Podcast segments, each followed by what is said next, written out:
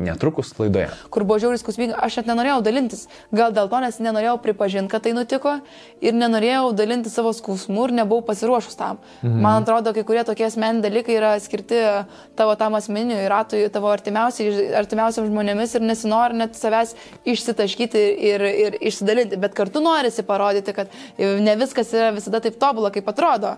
Ir aš niekada nevaidinau, kad man čia yra žiauriai fainai. Sveiki visi, Šį kartą ir vėl kartu su Neptūnu kviečiame pasiklausyti PIN su buvusią krepšininkę, laidų vedėją, šiais metais pripažinta viena įtakingiausių Instagramo ir TikToko nuomonės formuotojų, o dabar jau ir mama Dale Belickaitė. Savo naujoje kampanijoje Keistis reiškia gyventi, natūralus mineralinis vanduo Neptūnas kviečia žmonės dalintis pokyčiais savo gyvenime ir taip įkvėpti dar daugiau žmonių nepasiduoti siekiant savo svajonių. Beje, laidoje Dalia pasidalins, kokią svajonę ji nešiojasi dar nuo 16 metų. Galbūt dabar pats tinkamiausias metas ją įgyvendinti. Kadangi šis epizodas startuoja mamos dieną, noriu pasinaudoti progą ir pasveikinti su mamos diena visas laidą žiūrinčias mamas, taip pat ir savo mamą, savo žmoną bei PIN laidos redaktorę Juditą, kuri šiais metais kaip mama šią dieną šves pirmą kartą ir, žinoma, šios laidos viešnę dalę.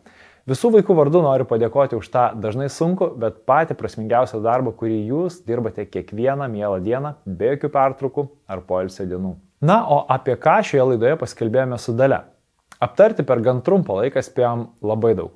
Paskelbėjom apie dalios vaikystę, sprendimą savo gyvenimą paskirti krepšiniui, norą visur būti pirmai, gyvenimo ženklus, kiek sukretimų reikėjo daliai, kad galiausiai primtų sprendimą pasitraukti iš krepšinio apie naujos krypties paieškas, socialinės medijas, kaip juose išlikti autentišku, drąsą, pažeidžiamumą ir, žinoma, motinystės džiaugsmus.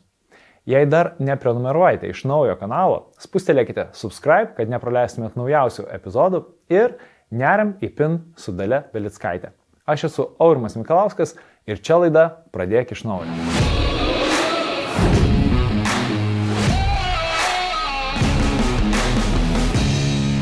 Labas, Daniel. Labas. Labai faina man tave turėti, visą tokią gyvą šitą laidoje. Aš iš tikrųjų nesu ilgametis tave sėkėjas Instagrame, bet e, be abejo, ruošiantis laidai, žinai, pradėjau šiek tiek aktyviau stebėti tave ir, ir nu, man gražu, žinai, žiūrėti, koks tu esi nu, toks e, gyvybės, gyvybiškumo pliūpsnis šitam Instagram'e ir turbūt žinai, nieko keisto, kad uh, Buvai tu, mačiau dabar pripažinta kaip numeris 2 Instagramų ten influencerių kažkoje. Kas man buvo žiauriai kosmosas. Jo, iš tikrųjų, tai sveikinu su tuo, tikrai nuostabu. Ir mačiau ir tik tokia, iš tikrųjų, irgi ten yra tokių nežinau, ten kažkelinta vieta, Taip. bet irgi tikrai labai a, nu, tokie didžiuliai pasiekimai. Tai man įdomu bus ir su tavim pasikalbėti, išsiaiškinti truputėlį, kodėl taip yra, žinai, ir tu pati turbūt gal keli tą klausimą ir ieškai atsakymų. Tai netrukus pradėsim. Aš noriu dar pristatyti mūsų du laidos rėmėjus. Šitos tai pirmas rėmėjas, kuris, nuo kurio ir prasidėjo pinas, tai yra audioteka. Jeigu dar neišbandėte, išbandykite audioteka prenumeratą. Mes labai nesiniai pasileidom, tikrai nuostabus dalykas. Dvi savaitės galite išbandyti nemokamai. Tiesiog klausyti klausyti visų prenumeratų esančių audio knygų. Ir mes turime antrąjį remėją, tai yra Neptūną. E, Neptūnas pavasarį šį pradėjo su tokia gražia misija, gražia reklaminė kampanija, keistis reiškia gyventi. E, ir tavo gyvenimas tikrai pokyčių irgi spalvingas labai, Taip. tai apie tuos pokyčius visus aš ir norėsiu tą laidoje aš tai paskelbėti. O pradėti norėčiau nuo tokio klausimo. Tu, nu, dabar mes visi matom, žinai, kokia tu esi, uh, Kokią tu save prisimeni jaunesnę, kai tau buvo 10-12 metų, ar tu irgi vat, buvai toks gyvas, trykštantis, gyvybingumo atviras, toks besidalinantis vaikas. Pirmiausia, labai ačiū, labai gražiai pristatei, taip šį, šį negalėjau nesišifluoti, labai faina girdėti iš tikrųjų tokius žodžius. Ir labai faina, kad, kaip ir sakai, kad pa, pa, galbūt pasipaliesim tokias temas, kurių gal anksčiau nėra girdėję žmonės apie mane ir, va, kaip sakai, apie paauglystę, jaunystę. Tai aš iš tikrųjų tikriausiai buvau visą laiką tokia gyvybinga, energinga, nes mama sakydavo, kad mes esės buvom tokios kaip bežionkos, sako, jūs, aš negalėdavau jūsų ramiai palyti, sako, jūs visur laipiojat, visur bėgiojat ir jaučiu mes tiek traumų su sesėm esam turėjusios, kiek niekas nėra turėję, nes mes tiesiog e, ten čiuožiam iš žyklose, ten trenkė sesę koją, lūžo koją. okay. Va tokie dalykai. tai aš tikrųjų visą laiką tokia būdavau, kur mama mane norėjo leisti skirtingus burelius, kad aš išsiliečiau energiją, nes mm. man tiesiog neužtekdavo. Man reikėdavo save kažkur vis išsitaškyti, kažkur save išlieti ir save realizuoti. Ir aš dar būdavau tokia labai konkurencinga, mėgstanti varžys, varžytis, mėgstanti laimėti. Tai man visi Aha. va tie bureliai, visas tas krepšinis, nuo to gal ir prasidėjo, buvo vienas iš tokių gal savęs realizavimų ir savęs išleimo tokio būdų. Tai, žodžiu, visada tokia buvau kažkaip. Ir man, net kai žaidžiau krepšinį, man visą laiką, atsimenu, U16 buvo pirmas čempionatas ir man vienas treneris sako, Sako, tu turėtum būti aktorė, sako. Tai tu man šeima okay. Nikolė, kitas man sako, bet tu, yeah. sako, tu nekrepšininkė turėtum būti. Aš sakau, nu gal kažkuria. Treneris. Taip, treneris. Ir čia buvo už, kitos, kitos komandos, kitos šalies, aš net neatsimenu ir sako, sakau, nu gal kažkada kitam gyvenime, gal ir, gal ir taip. Dabar aš sakau, myliu krepšinį, man krepšinis pirmoje vietoje, aš noriu būti geriausia krepšininkė Lietuvoje ir, ir aš ties tuo save realizuosiu. Bet, nu, va, geriausiai viskas kaip. Nepaslaptis, kad truputėlį ir tai teko išbandyti. Jo, iš tikrųjų taip, aš esu filmavusi uh, filmę, mane rodė kine, šiaip aš tikrųjų šitą faktą jau esu senai paslėpus, ne tai paslėpus, bet tuo metu nutiko ir taip kažkaip, ai, kaip ir normalu, bet aš buvau vienas iš pagrindinių aktorių, kas man ir lėmė galbūt krepšinio e, karjeros sustojimą buvo vienas iš tų ženklų filmas. Okay. Ko aš taip nepasakau iš tikrųjų. O. Mm. Galėsime apie tai truputėlį ja. pasikalbėti, jeigu aš, aš, nes e, besiruoždama šitai laidai aš peržiūrėjau iš to trailerį, aš filmo dėje, ne, nežinau, gal ir būčiau kažkaip pradęs, aš nepaieškojau, ne, bet galvoju. Nelabai dabar esu. Nelabai, aš labai laukiu, kad jį išleisiu, labai tikiuosi. A, jis dar nėra, ne? ne nu, taip, nu, taip. Jo nepaleidžia, yra mūsų, mūsų kaip ir prodiuseris režisierius buvo Žilinas Žusnas, aš Žilinai tikiuosi, kad paleisys kažkada į, į gyvą eterį, kad aš galėčiau dar kartą pasižiūrėti, nes tikriausiai dar kitomis akimis pasižiūrėčiau ir į visą tai. Tikrai daug kam įdomu būtų taip, pamatyti. Taip, taip. O kokiu dar talentų tu turėjai? Nu, be krepšinio, ne? Nes krepšinį mes be abejo pasikalbėsim, bet vat, kaip vaikas vis tiek e, gal ir tėvai jautė ir sakė, nežinai, be aktorės galimai, ką tau pasakė 16 metų, kas dar tu galėjai tapti? Um, aš šiaip buvau, kaip raiškaus skaitimo, aš buvau viena iš tų, iš savo mokyklos išėjau ir aš manos buvau netgi net ne, miest, tarp, net ne savo miestą, ne Vilnių, aš nuėjau dar į tarp miestinį okay. kas yra keista, nes aš taip greit šneku, bet mano buvo labai ryškus gražus skaitimas, aš buvau drasi, aš visur dalyvaudavau, tai mano toks ne tik talentų, bet man iš tikrųjų kiek sportų eidavau, Tai man mhm. visur sekdavosi. Mane bandė į rankinį prisikės, mane bandė į tinklinį prisikės. Nes aš kur nueinu, man tikrai gerai sekasi. Aš taip kažkaip imliai labai gal čia tėvų dėka galė, galėčiau pasakyti, nes nuo vaikystės gimnastiką lankiau, pramoginius šokius, man tokia koordinacija buvo, da grepšinis ir man kažkaip visur sekėsi. Tai čia, va, su, su sportu susiję, tai man tiek dabar labai patinka save visur išbandyti. Va, aš mhm. sakiau, kad noriu grįžti tenisą labai, e, tiek ir tada man labai patiko. O šalia to visada buvo visokie koncertai, visokie pasirodymai. Mes šiaip susėsėm tėvam tiesiog namie koncertus rengdam. Dainuoti dainuoti nemoku. Sakyčiau, balso neturiu, nors kaip ten sako, kad visi turi balsą, tik reikia jį išlavinti, bet pas mhm. mane ne. Tiek dainuodavo. Tėvam, o ką, o ką daryti, tėvai klausydavo. Turėdavo klausyti, mes be, labai mėgdom koncertus rengti ir aš visose būdavau, kiek būna mokyklos visokių ten tų renginių. Tai darė visur pirmą, visur lenda, visur nori sudalyvauti ir pavaidinti, ir padainuoti, ir pašokti. Ir mes čia kažkada žiūrėjom, e, mūsų e, mama išryškino tas kasetės, kur būna, kad galėtume per, tele, per televizorių jungti. Tai žodžiu, mūsų klasės pasirodymas, tai iš mano, iš dešimt pasirodymų, devyni mano visur dalyvauju, su gitara grojau, aš, tu prisimė, su klarnetą pučiau. Uh, nu, žodžiu, nežinau, ko aš nedariau. Bet tu tai mėgėjiškai darydavai, tu turiu menį, nu, tiesiog imituodavai, ar iš tikrųjų? Aš tikrųjų, aš tikrųjų mokau, grojau gitarą, nes aš lankiau, aš grojau būgnais, nes aš lankiau, nes okay. pradėjau groti gitarą ir sako, tai bandyk būgnais. Blemba, kaip tau gerai sekas, pradėjau groti būgnais. Tada šalia buvo dar klarnetas, nes klarnetų gerai sekas. Wow. jo, tai ne tik sportai. Jo, ne tik sportai, tai kažkaip man taip visai, visai sekėsi ir galiausiai kažkaip krepšinis, kai nuėjau, mane jis visiškai full pasiglemžė iš visų kitų veiklų, kurios tiesiog liko šalia. Mm. Geras, o jeigu taip pabandyti dekonstruoti, kodėl tau iš tikrųjų taip gerai sekdavosi, vat, visi dalykai, viskas, nu, viskas prie ko tu prisiliesdavai. Vieną tai jau minėjai, ne, kad tu labai norėdavai būti pirma visur. Taip, pas mane tas charakteris. Nu, aš, aš tėvam galėčiau tikrai dėkinga būti, nes jie visą laiką, šiaip jie mums sakydavo, kad e, svarbiausia, kad jūs užauktumėt gerai žmonėmis. Kai ten, ten dėl pažymių atsita, aš ten labai pergyvenu, ten taip toliau, tai mūsų niekada nespausdavo kažkaip automatiškai žino, kad mes stengsimės, gerai mokysimės, o sportas Tai, nu, mūsų tėvai buvo sportininkai, jie abu turėjo gerus genus, galbūt čia ir tas duoda. Mm. Ir aš sakiau, kad man atrodo, kad nuo vaikystės, kadangi mama pradėjo mus vesti gimnastiką ir sportinius šokius, man atrodo, kad tai labai daug davė tos koordinacijos, to tokio lankstumo, to tokio uh, galbūt uh, užsispyrimo ir disciplinos sporte.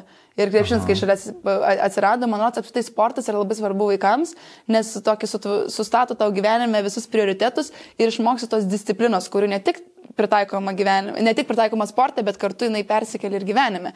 Nes yra treniruotės, e, darbas, e, laikų būti visą laiką, tu toks labai viskas sudėlioja, kad tu vėliau gyvenime pritaikai. Mhm. O kodėl, aš, kodėl man taip sekėsi, iš tikrųjų aš neturiu atsakymą. Čia sakau, man atrodo, kad tėvam reikia būti dėkingai, kad kažkaip jie taip mane nukreipė į tas linkmes, kur matė, kad man patinka ir man faina yra. Ką dar atsimeni iš e, būtent to, kaip tave tėvai augino? Žinai, jeigu reikėtų duoti penkis patarimus tėvams šiuo metu auginantiems savo vaikus, jie labiau, kad tu, dabar augini savo mažąją, bet kokie būtų tokie, nu, kurie, žinai, pačius va, tas svarbiausias vertybės išūkdo žmoguje. O jie, tu žinok, aš jaučiu tikriausiai tav, sa, sa, savęs to paties klausiu pastoviai, kai jie neaugs ir kiekvieną kartą, man rodos, tėvystė yra e, didžiausias e, džiaugsmas, bet kartu didžiausia baimė, nes tu mm. kiekvieną dieną augi su savo vaikais ir kiekvieną dieną atsiranda vis naujų dalykų, ko iš jų mokaisi ir kartu su jais mokaisi. Ir e, visą laiką tikriausiai bus ta tokia dviejonė, ar tikrai visą gerai darau, ar aš galiu, ar tikrai visą geriausiai, noriu visą laiką geriausiai steigti, bet tu visą laiką kažkiek dviejoji savo tais mm. sprendimais. Tai aš visą laiką mamai sakiau, mama, kaip tu užauginai mane tokią, ką reikėjo daryti. Aš ir noriu, kad atėnė, nu, aš niekada nevartau alkoholio, aš niekada nesubandžiu surkyti, aš niekada neįdavau tos vakar, eidavau vakarėlius, bet aš būdavau ta, kuri visus prižiūri. Nu, ta prasme, aš visą laiką viską atsimenu, visiems papasakoju arba nueinu miegoti anksčiausiai iš tos serijos. Sau, aš ir noriu, kad taip atėnė, kad man nekeltų jokių tokių, jokių tokių bangų, kad būtų rami, va tai va labai save išlietų sportį ir va tada būtų va tokia rami. Sakau, nu kaip, sakau, sakau nežinau, nu, nu taip gavosi savaime. Tai aš nežinau, man atrodo, kad tiesiog kiekvieną kiekvienas, tie, kiekvien, kiekvieni tėvai atranda savo receptus, mhm. kaip užauginti, manau, svarbiausia yra užauginti gerą žmogų, kaip jam padėti tame gyvenime, atrasti savo mylimus kelius ir atrasti savo mylimą veiklą ir tiesiog užvės ant kelio. O kaip ten tos visos yra detalės, manau, jau kiekvienas atranda uh, savo receptą. Nes kaip ir auginimą, kai sako, kad mano vaikas taip, o mano vaikas taip. Nu taip, nes kiekvienas vaikas yra skirtingas ir tu prie kiekvieno vaiko prisitaikai taip, kaip jam mhm. geriausia tuo momentu ir kaip tau atrodo geriausia tuo momentu. Tai neturiu aš tų receptų. Ma mamos dabar eigoje vis paklausti klausiu, nes mama užaugino keturias tokias charakteriais dukras, tai aš į medalį iškabinčiau ir visų dabar receptų klausiu vis, visom prasmėm, net ir va dabar primaitinimas prasideda, tai mamos receptai irgi trasa. Geras. O nu, vis tiek, sakykim, aš kiek esu turėjęs svečių, visų klausiu apie vaikystę ir visi labai skirtingai kalba, žinai, apie tą etapą.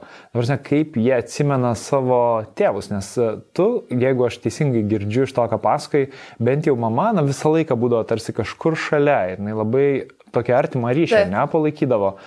Kaip tėtis su tėčiu santykiai vat, klostėsi? Oi, irgi labai gerai. Jis tiesiog gaudavosi taip, kadangi mama daugiausia man dėmesio skirdavo, nu, mum apstai buvimu, laiko skirimu, tėčių gaudavos, kad jis daugiau dirbdavo, tai mes jo galbūt mažiau matydavom, mhm. bet, e, pavyzdžiui, krepšinio atžvilgių, tai mano tėtis buvo toks įsitraukęs, jis jaučiu mano nei vienų rungtynių nebuvo praleidęs, jis visą laiką būdavo taip, kad, nu, treneri galvom, ar važiuojam į užsienio ten turnyrą, tėtis važiuojam, aš padėsiu, aprangas nupirksiu, čia tą suorganizuosiu, mano šeima sako, ko labiausiai pasilgo dėl krepšinio, sako, žiūrėt tavo rungtynį, važiuoti ir žiūrėt tavo rungtynę, sako, toks kaifas būdavo, taip, taip smagu į tos visus čempionatus, į kitą miestą rungtynės palaikyti. Tai mano tėtis šiaip net fainai buvo, kad jautė ribą kuo geriau nelys ir nesakyti man. Aišku, aš gal ir nubrėžiau tą ribą per metus, mm. suprato, kad su mano charakteriu tu čia mane paaiškinsi, aš geriau žinau. Bet jis irgi labai, labai, labai savęs daug davė ir galbūt e, tikrai, kiek, kiek, kiek atsimenu vis laik krepšinė, tai, nu, tikrai labai stengdavosi, kad man tas kelias būtų kuo sklandesnis, kuo geresnis ir, ir kaip įmanoma padėtų. Tai ne tik man iš tikrųjų, bet ir net Lietuvos krepšinė.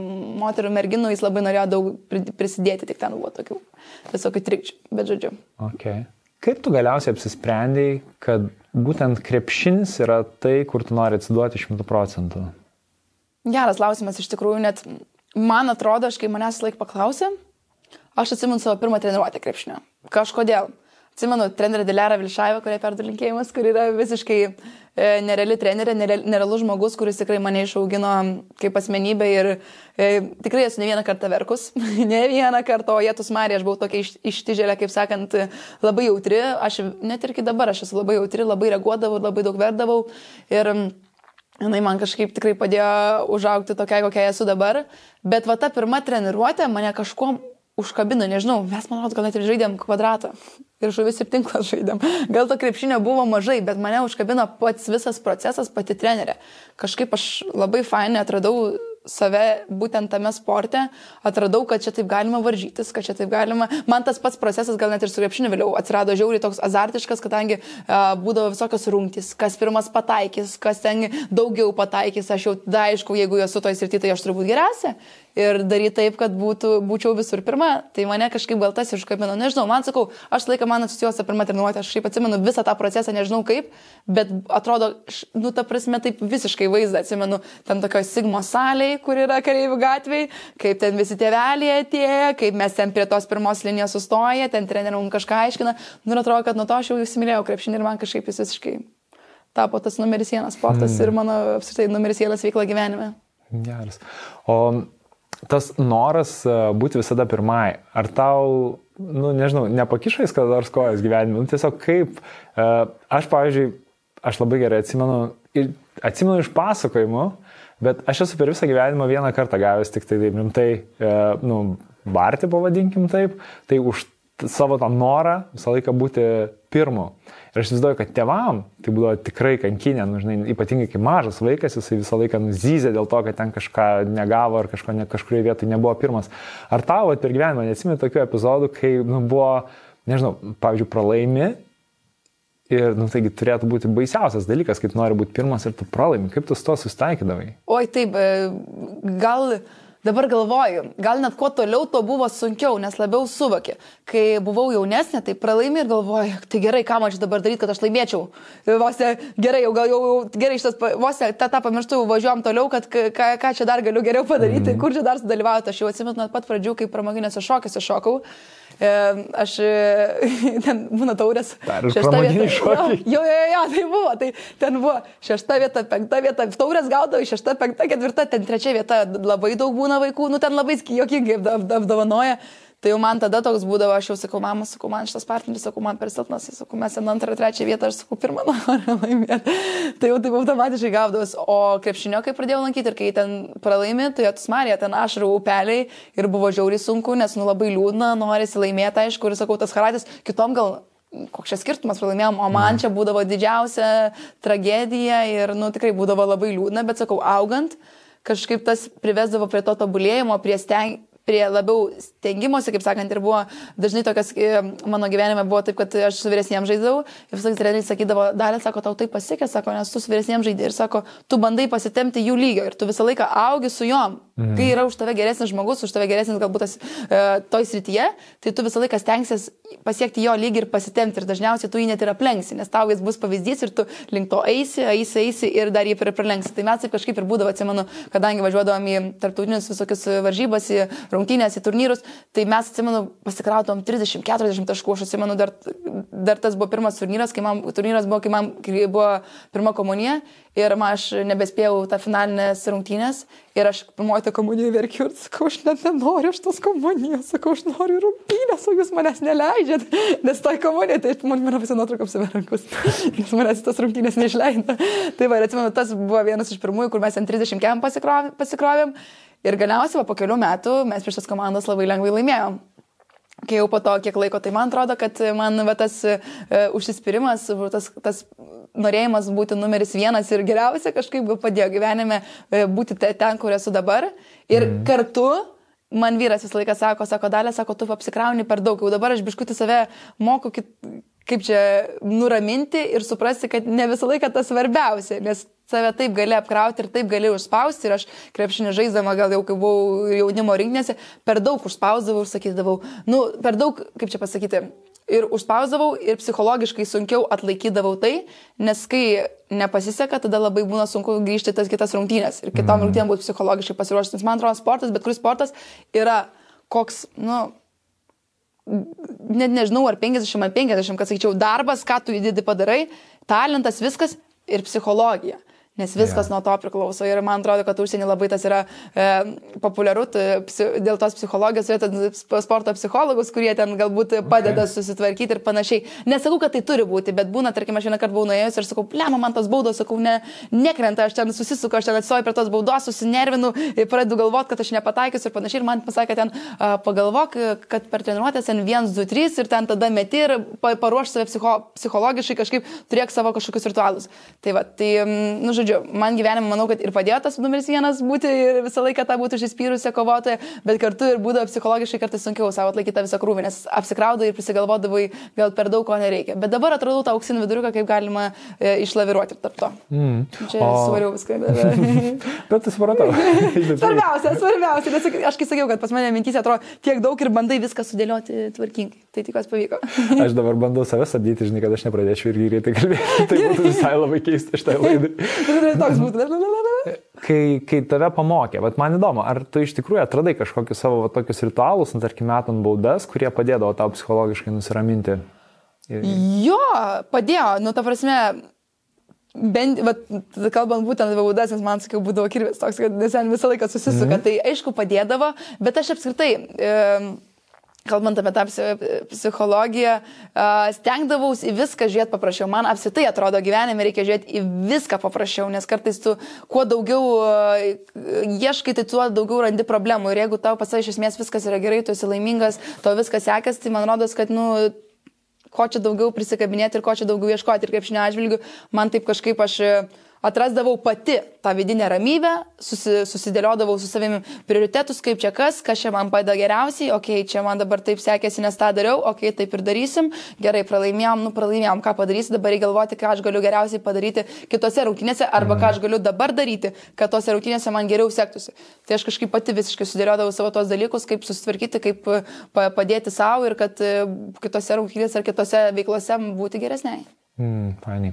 Ir aš įsivaizduoju, kad tikrai tavo tas, žinai, pasakymas, kad 50-50, ten psichologinis ir fizinis pasiruošimas, aš tikrai tikiu, kad tas psichologinis tikrai tokią didžiulę reikšmę turi ir bendrai gyvenime. Ir, ir sportė, taip, sportė. taip, taip. Gerai, grįžtant truputėlį tada į dar tos mokyklos laikus, kai tu vat, apsisprendė, ne, kad krepšinį fokusuosiesi, kaip tau paraleliai sekėsi suderinti, nu, mokslus? Nes vis tiek tu turi tą eiti į mokyklą ir pakankamai gerai mokytis. Ir ar ten tevam nekilo kažkokių, žinai, nu, tai tu čia dabar būsi profesionali sportininkė, ar tu čia visgi turėsi ir kažkokį tai planą B mokykloje, kaip tau ten sekėsi? O ten irgi gerai sekėsi, ten pas mane tas charakteris, tai kad gerai, gerai sektųsi visur, vis dar buvo ir moksluose. Tai ja. man ten iš tikrųjų mano vidurkiai buvo labai geri, aš visur sekdavausi, man ne tai, kad man tėvai pykdavo, oi čia gavai aštuntuką, septintuką, e, aš pati pykdavau ant savęs, kad, tipo, jėtus Marija, žiūriu, kažkoks koks negražus pažymys turi po 9 arba 10, tai pas mane vidurkiai manos buvo virš 9, ten ar link, link 10 labiau ir, ir aš būdavau ant garbės ir lentos, kur būna ten pirmūnų, pirmūnų lenta ir iki 8 asės aš ten turėdavau būti mano trukite, man, man būdavo geriau. Tai gal gimnazijos laikais buvo šiek tiek sunkiau, pradžiai normaliai, bet aš gavau traumas labai rimtas, kai man reikėjo reabilituotis. Tai mano tas lankymas buvo va toks banguotas ir tėvai tikrai suprato, kad, nu, aš žinau, ko aš noriu, aš suprantu, kad ar taip ar taip aš noriu stoti ir aukštą įsilavimą turėti ir viskas priklausys nuo manęs. Kad mm kiek aš įdėsiu pastangų, kiek aš įdėsiu laiko į mokslus, kaip man seksis laikyti egzaminus, taip aš vėliau įstosiu tą, į, į universitetą ir gausiu aukštą įsilavinimą. Tai jie man lavė visiškai laisvę, jie žino, kad aš tą visą suprantu procesą ir man, kad viskas gerai seksis. Tai buvo biškitai sunku suderinti, kadangi reikėjo reabilituotis kartu ir kartu psichologiškai buvo sunku, nes ta trauma, kaip aš čia grįšiu, dar tie egzaminai, mokslai, viskas viename, tai vad, gal nuo 11 klasės buvo sudėtingiau. Bet iki 10 man viskas labai gerai sekėsi, buvo viską lengva suderinti, nu kiek lengva. Tiesiog nusiteiki, kad taip turi būti, kad kitaip mm. negali būti, kad tu turi pasimokyti, kad tu turi pasportuoti, kad jeigu nori geriau žaisti, turi daugiau sportuoti. Tai aš eidavau, keldavau 6 ryto, ateini 7 ryto, pasportuoji salę, aš tu apsirengi čiukčiučiuk, 8 val. jau varai į, į pirmą pamoką.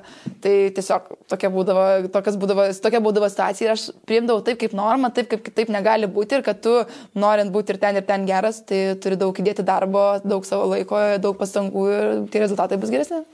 O kas tave taip motivavo, būtent save atiduoti sportui ir, nežinau, ir tuo pačiu gerai mokytis, nes vis tiek buvo paraleliai, net nebejoju, žinai, ir kitų vilionių, nes spėjau ten kokia, žinai, 10-11 klasė, tik žmonės pradeda ten vakarėlius vaikščioti, nežinau, ar tu ir ten suspėdavai suvaikščioti. Kartais būdavo, būdavo, būdavo, bet sakau, aš tokia būdavau dalyvė, kur uh, kartais ir, ir praleisdavau, kartais toks jau, kai visi vis tiek išgėrė, jau nebe, nebesusišneka su manim taip, kaip aš norėčiau, tiesiog pasižiūriu, dainu mėgot, bet um, Um, nežinau, man kažkodėl, nežinau kodėl, aš žinodavau visą laiką, kad aš būsiu krepšininkė, būsiu tikrai šimtų procentų, bet tai daug, reikia visą laiką turėti planą B, nors aš galvoju, nu, mm. aš tai taip sakau, nu, yra tie mokslai, bet aš vis tiek, aš vis tiek uh, žaisiu kažkiek kokių 35 metų ir vėliau, aišku, tas mokslas, nu, aukštas silnavimas vis tiek man bus gerai šalia, kad vėliau, kai baigsiu krepšinį, gal ataisiu į krepšinio kokią sporto vadybą ar kažką tokio, aš taip Taip turėjau omeny. Ir man tas planas B sakydavau, kad reikia turėti, bet aš galvoju, man jo dar tik vėliau prireiks. Yeah. Ir mane kažkaip motivavo, kad, nu, kad nu, visą laiką tu turi turėti tą planą B ir turi stengtis ir ten, ir ten. Ir man atrodo, mokslai a, niekada neparodys, galbūt pilnai neparodys tavo protingumo, tavo žinių. Man atrodo, čia yra dėl bendro įslavimo, dėl bendro išprusimo, dėl tokio gal mokėjimo, gebėjimo. A, būti pareigingu, išmokti tam tikrą dalyką ir panašiai. E, bet man atrodo, kad tai vis tiek yra svarbu ir aš vis tiek irgi noriu būti ir ten, ir ten gerai ir turėti tą savo šalia planą ir, ir, ir būti motivuota tiek ten, tiek ten. Tai kažkaip nežinau, aš sakiau, dėl to aš sakiau mamos, mam, kaip tu čia ką darai, kad aš taip galvočiau, kodėl aš taip galvojau, kodėl aš turėjau šalia ir tą, ir tą. Tai va, bet sakau, kažkaip nežinodama, kad tai viskas gyvenime pas jūs, bet sakydavau, kad reikia turėti planą B ir kažkaip taip mm. labai dažnai, nu, tai, galvau, nu, aš čia pratingiau gal atrodysiu, kad viskas, aš turiu turėti planą B, kuris gal tik po 3-5 metų man atsiras. Tai tu dar būdama mokykloje, ne, ten 90 klasėje jau save matėjai kaip profesionalią krepšinį. Oi, taip, tai taip, tais. Tik tais, tik tais, okay. tik tais daugiau kitokia nebuvo, aš ten galvojau, gerai, kokiu čia užsienio valstybė reikės važiuoti žais kažką, jo, tik, tas buvo. Kada gavai pirmą traumą, tokią rimtą? Tu kryžminio raiščio? Jo, kryžminio raiščio priekiniu, tai uh, 2.13 gavosi jo pirm, pirma ta trauma, 2.13. Tai mhm. kelint Man buvo 17 metų, man buvo 17 metų, jo, tuo metu tai man buvo žiauriai šokas, nes aš ne, nežinau, kad tokie dalykai vyksta, kad tokius dalykus gali gauti, kad aš galiu gauti. Ir tuo metu dar nebuvo ta populiari tokia trauma. Vėliau labai dažnai prasidėjo priekinis išmi raišiai, ai čia raišiai, tie yeah. kelio raišiai, čia, nu, tai tas aš jau, aš jau tokia kaip specialiai žinojau viską, bet tuo metu kažkaip mažai, gal šnekėjau, mažai tų traumų buvo, o aš žaidžiau per visus čempionatus, kiek įmanoma, mane ten kaip arklį visur norėjo nuvaryti per skirtingos rinktinės, per skirtingus čempionatus su vyresniem, su savo metu, su dar dar vyresniem dviem metais ir panašiai. Tai man čia toks buvo labai geras stabdis, kad dalė sustok sveikata yra svarbiausia, bet dar tuo metu aš nesupratau to, aš tiesiog galvau, greičiau atsistatyti, greičiau grįžti. Bet atsimenu, kai pirmą kartą sužinojau, kad man ten nuplyšo raiščiai, aš labai gerai atsimenu, telefonu šnekėjau, man pasakė, kad pusę metų, kaip minimum reabilitacija, aš nukritau ant žemės, telefoną mečiau, verkiau kaip kokiam filme, tokio isterijoje, kur ką aš čia darysiu. Ir, nu, buvo žiauriai sunku tas momentas suprat suvokimas, kad reiks sustoti. Ir man tuo metu buvau aš tokiam pikė, U17 aš buvau Europoje, trečioje ar ketvirtoje vietoje, manos, pagal krepšininkas ir su metais vyresniem, nes mes žinėm, manos tada pasaulio čempionate gavosi, Europos čempionate. Nu, žodžiu, viskas sukrytė ir man toks buvo pikas, kur aš galėjau tikriausiai gal ir užsienį išvažiuoti. Ir tos galvojau, o oh my god, vėl viską iš naujo. Bet kažkaip net ir nebuvo. Po porą dienų taip sunku buvo ir da, ką, viskas atsireabilituojamės ir varom toliau ir stojamas. Ir o ką tu darai tą pusę metų?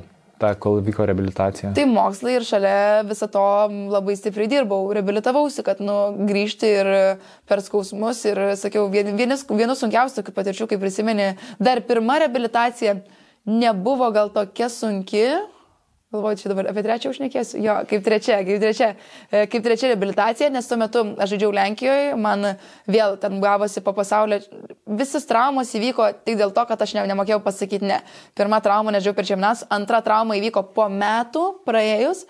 Sako, dalė, man tas reikia rinkti. Sakau, žinokit, mano fizinio treneris sako, kad aš dar nepasiruošus, nes mano gali būti, kad kita koja yra nusilpus ir sako, davai, gal sako, pakentė, geriau ne rinkiniai grįžk, o geriau grįžti sezonui, nes mm. ten dabar tik ar rinkiniai baigiai. Tai sako, geriau pailsėk ir aš sakau, nu žinokit, ne, sako, dalė, žinok, niekam nelabai įdomu, ką tu galvoji.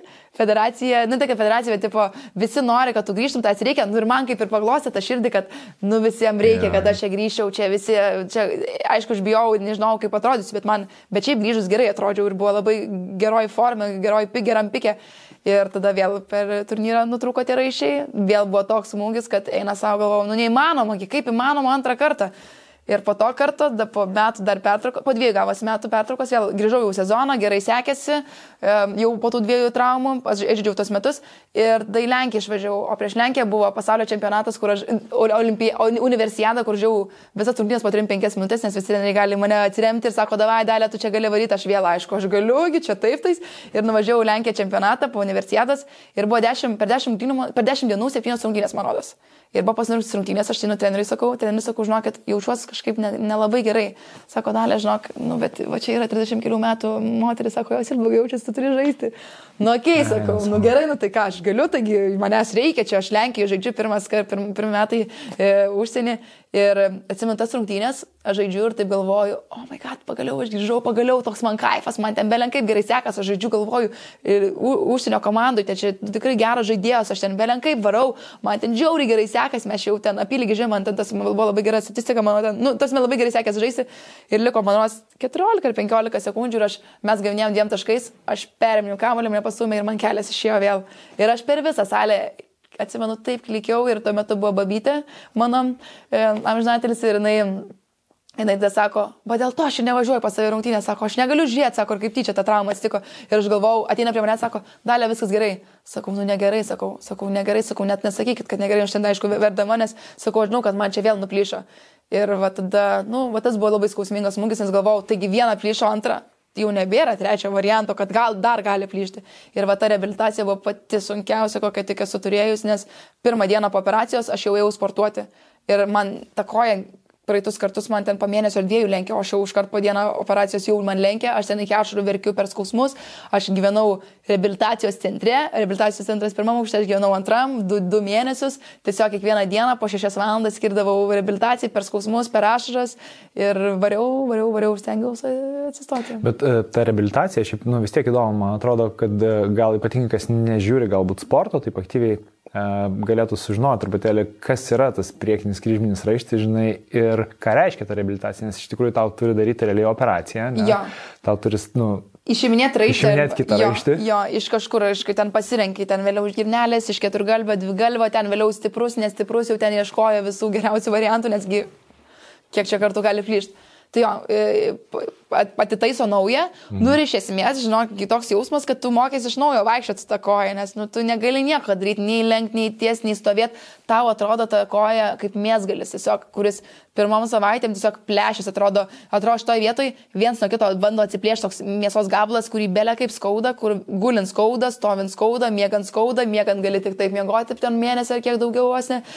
Ir aš atsimenu, buvau likus viena, nes, nu, Ednas žaidė čia Lietuvoje, tėvai aišku darbuose, tai aš tiesiog tiesiog noriu valgyti ir man dabar pasirinkimas eiti žemyn laiptais ir iki parduotuvės, kuri yra ant kampo, bet per tokį skausmą patir, kad aš ten tiesiog galvoju, nu, okei, okay, davai dalę susimk iš visų jėgų ir nusileidžiam į apačius ir bent valgyti kažko.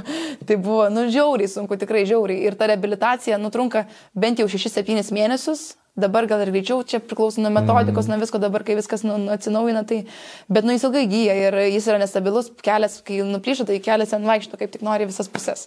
Tai, tai va. Okay. Aš, aš kadangi irgi neturiu priekinio kryžminio raiščio, bet aš nesireabilitavau. Aš tiesiog slidinėjant man irgi nutrūko ir vat, apie tą skausmą, žinai, kurį tu pasakai, tai aš labai gerai atsimenu, kaip aš klikiau iš trasos iškritęs irgi, nes tai yra labai labai skausminga trauma. Ir dar atrodo, kad, sakau, vat, kai taip sujungia, tai atrodo, kaulas iš kaulo išeidavo taip kažkaip, nu jo, jo, taip. labai nesmagu. Labai, labai. Nerekomenduoju niekam patirti. Ar per kažkurį kartą iš tų vat, dar ankstesnių, kai tu patyrė tą traumą, nu, buvo tau jau toks kilęs, na, pirmą mintis, kad, nu, viskas, mano karjera baigta. Ne, bet aš sakiau, man tas iššiausia, kad man net nebuvo toks ką, tipo, čia nustoti, net tiesiog atsiribiltuos vėl grįžti. Tai per trečią kartą, jau tada, kai aš toj Lenkijai buvau, nu tai pradėjau dvėjoti ir galvoti, ir Edvi sako, dalė, sako, tu supranti, kad sako, nu tavo sveikata svarbiausia ir kad, nu, vėl gali bet kada nutikti tas ir sakau, ne, negali, aš dabar reabilituosiu, grįšiu, sakau, aš sustiprinsiu visus raumenis, aš sakau, tikrai čia net, nejuokau, aš čia grįšiu ir panašiai. Nu ir taip su kiekvienu mėnesiu artėjant vis to, aš taip pradėjau galvoti, blemba, gal, nu, iš tikrųjų, gal mano tie keliai nėra, nu, man čia siunčia ženklus iš visų pusių Dievas, kad aš jau turiu kažkaip sustoti ir kad, nu, ta sveikata yra svarbiausia. Ir man, kai vėliau e, pasitikrinus atėjau, pasakė, kad, nu, bet kad kažkada gali to vėl nuplyšti. Mm. Tai buvo toks smūgis, kad galvoju, nu blem, aš tikrai nebenoriu daugiau, kad man plyštų, nebenoriu daugiau jokių rehabilitacijų, aš tiesiog pavargau tiek psichologiškai, tiek fiziškai ir gal tikrai yra tas ženklas, kad, nu, reikia savai išbandyti. Ir aš sakiau, atsimenu, pavasarį sakau, Dieve, prašau, pat jūs man kokį ženklą, kažkokių ženklų, ką man pasirinkti, kurį man kelia rinktis. Ir, ir atsintė. Ir atsintė. Atėnė? E, ne, atėjo ne. Nes aš galvoju, ne, ne, ne, čia vėliau, čia ne, čia vėliau. jo. Atėjo tuo metu, tuo, tuo metu uh, gavosi taip, kad vasara, turiu spręsti, ką daryti, grįžti, negrįžti, taip toliau. Ir man tada pasiūlė, uh, žalgiris su laiku manęs laukia, nes žalgiris buvo šalia krepšinio. Aš tuo metu, kai Lenkija išvažiavau, tai tuo metu sustojau, mhm. pabandė kitas merginas ir jie vis tiek mane sako, dalį, jeigu tu tik grįši, mes jas laukiam, davai grįž pas mus ir panašiai. Ir jie sako, jeigu tu tik liksi šį sezoną, jeigu nebežai, sako, davai pas mus grįžti ir galvoju, blemba, gal ir fainai, bet aš noriu ne už aikštelės ribų dirbti, aš noriu aikštelį dirbti. Ir tada man paskambino iš filmo, sako, mes tave įsivaizduojam, čia norėtume vienai, vienam vaidmeniui. Ir aš okay, atėjau, atsimenu, toks jokingas buvo dalykas, tai tai atinu į tą ir girdžiu, kaip ten viena mergina bando praeiti ten tam, kaip jie Atranka? atranką ir su kitas klaipėdėtė sėdžiu, kuri yra dabar labai mano artima draugė ir kuri laukėsi šiaip žiauriai fainai, kuri va tapomės draugės visiškai. Ir, em, ir jinai sako, sakau, kur tu čia sako, aš čia aktoriai iš klaipėdas, čia nu, į atranką čia, sakau. Aš tai krepšininkė, sakau, aš nežinau, čia sakau, kažkokį gal ten vaiz, va- kokį dalinį vaidmenį man čia galvoja, tipo, sakau, ir aš juokiuosi, ir mes susės dar buvom, ir kita vyresnė sesė atėjo, ir girdžiu, kaip ten šneka, ir mes juokime, sakau, ką tu čia veiki, sakau, nežinau, sakau, ką skirtumas, sakau, pabandysiu. Ir mano, man tada draugė sako, blema, sako, kai tu atėjai, sako, galvojau, o jie tu gal tu koks modelis ar kažkas, sakau, ką, sakau, kai sužinau, kad tu krepšininkė, nu visiškai nepatikėjau. Nu ir nuvariau, aš ten suvaidinau, kažkaip man labai gerai sekėsi, tada galiausiai paklausė ten personažo, paklausė, kaip tu įsivaizduoji ten savo gyvenimą ar kažkaip. Ir man apie tas traumą, nu, sako, bet tu savo, savo istoriją pasako, kaip tu čia įsivaizduotum. Ir aš apie tas traumas pradėjau pasakoti ir apsiverkiau. Ir ten, nu, nes tuo metu labai viskas buvo šviežia, aš ten dar nežinau, sakau, aš nežinau dar ką darysiu gyvenime, sakau, aš gal dar grįšiu krepšinį, sakau, ir taip toliau. Ir man kitą dieną skambina režisierius ir sako, žiūrėk, dalė, mes norėtumėm tavo personažą padaryti, e, į biški pakeisti ir padaryti krepšininkę. Ir tavo istorijos įpinti tavo personažą. Ir aš taip, ką sakau, sakau, tai gerai, sakau, tai, tai kiek ten aš ten turėsiu vaidinti. Ir Sakau, tai žinok, čia vienas iš keturių pagrindinių. Sakau, ką? tai buvo toks, what? Ir galvojau, Rednui sakiau, atsimenu, sakau, blemba, gal čia tik, nu, aprašiau tų ženklų. Ir, nusakau, čia sakau, kaip ir toks big deal, nes aš sakiau, visą laiką norėdavau, bū- kažkada sakiau, kad kitam gyvenime tikrai norėčiau būti aktorė. Man labai faina visa tas Hollywoodo, ta visa e, virtuvė ir atrodo, aš taip norėčiau vaidinti ir man buvo taip įdomu visą išbandyti ir panašiai, bet galvojau, kad šitam gyvenime, nu niekada. Ir kai tas atsirado, nu ir galvojau, nu blemba, sakau, nu jeigu ką, grįšiu į tą krepšinį, nu paimsiu ir e, vėl pradėsiu sportuoti ir, ir, ir grįšiu aš tą krepšinį. Nu va, ir taip galiausiai viskas prasidėjo ir krepšinė užsidarė duris, o atsivėrė visas kitas duris. Bet man dar vėliau ketvirtą kartą pišo raišiai. Aš ne ką aš. Tai, Kaip sakai? Dar kad man ketvirtą kartą pišo galiausiai raišiai. Nebežaidžia krepšinio. jo, jo. Ok. Įspūdinga. Gerai, bet e, žinai, dar truputėlį iki filmo aš norėčiau grįžti prie to momento, nes aš taip, mes taip staigiai nulėkiam, nes pagalvoju, kad tas momentas visgi, kai tu nupriimi sprendimą, kad krepšinio, nu, kol kas uždarysi tas duris, nu, jis yra labai svarbus. Nes, Jo. nu, žinai, kai pagalvoji, dabar nu, paban- pabandykim grįžti į tą momentą ir įsivaizduot, nu, realiai tu savo visą gyvenimą. Nu gerai, iki kiek maždaug trunka, nu taip sakykime, normaliai krepšininko karjera? Sakyčiau 35-36, bet aš buvau sakius, kad aš daugiau žaisiu, aš būsiu ta, kur ilgiausiai žaidė. Nu, aš Nu, visą va, laiką. tai įsivaizduok, tu, tu savo gyvenimą visą pieši, nu, krepšinis, krepšinis ir staiga tu ateini tą momentą, kai ir plus dar techniškai, nu, kaip ir galėtum. Nu, galėtum, Jo. aišku, su didžiulė rizika, nu, bet raištis visiems gali nutrūkti, taip. žinai, nu, tiesiog tau gal jis dažniau nutrūksta. Bet, e, nu, bet vis tiek, nu, tu turi tokį e, variantą, kad gal dar tęsi krepšinėje ir nusprendė uždaryti. Ar buvo, nu, tarpsne, kažkas be to, kad, nu, tu patikėjai ženklų, kad jau tiek kartų tai atsikartoja, sakai, nu, greičiausiai iš tikrųjų, nu, tau siunčia ženklą, kad kažkas čia ne taip, kažkas nedarnu, kažkokį kitą kelią tu turėjai, bet, e, nu, vat, kaip tu emociškai išgyvenai va šitą ir kaip galiausiai priimi tą sprendimą. Jis yra toks sunkus sprendimas. Jo, šiaip iš tikrųjų aš labai dažnai, dažnai savęs klausiau tuo metu ir atsimenu, kad, nu, jis nebuvo, tai vat, metu uždarom ir viskas. Ir aš, man rodos, dar kai net filme filmavausi ir, ir kai manęs klausė, aš dabar, dar, dar, dabar esu pasirašęs buvusi krepšininkė pas save bijo prašymų, nes man krepšinis visą laiką bus uh, mano mylimas sportas ir visą laiką aš, aš prisiminsiu tai ge- geriausiai. Bet um, nublemo, buvo ilgas procesas. Po tos, kai aš taip sunkiai atsireabilitavau ir kai supratau, kad, nu, mane nesakydavo, dalė, sako, nori, kad aš 30 km sumčiau vežimėliu, sako, kad tu jau nebegalėsi paėti, nes, nu, kiek tų kryžminių galėt laikyti, ką vėliau sanarį jau keisti, kad ten jau viskas bus susivarę ir ten jau, nu, kiek tų operacijų galėt laikyti. Tai man tas labai stipriai smogė ir aš tada pradėjau, dvie, pradėjau galvoti, pradėjau galvoti, ką reikės daryti, pradėjau suvokti tą patį faktą, kad nebebus krepšinio, nebegalėsiu savęs realizuoti, nebe, nebepatirsiu to pergalės jausmo, to adrenalino, jo. to savęs realizavimo.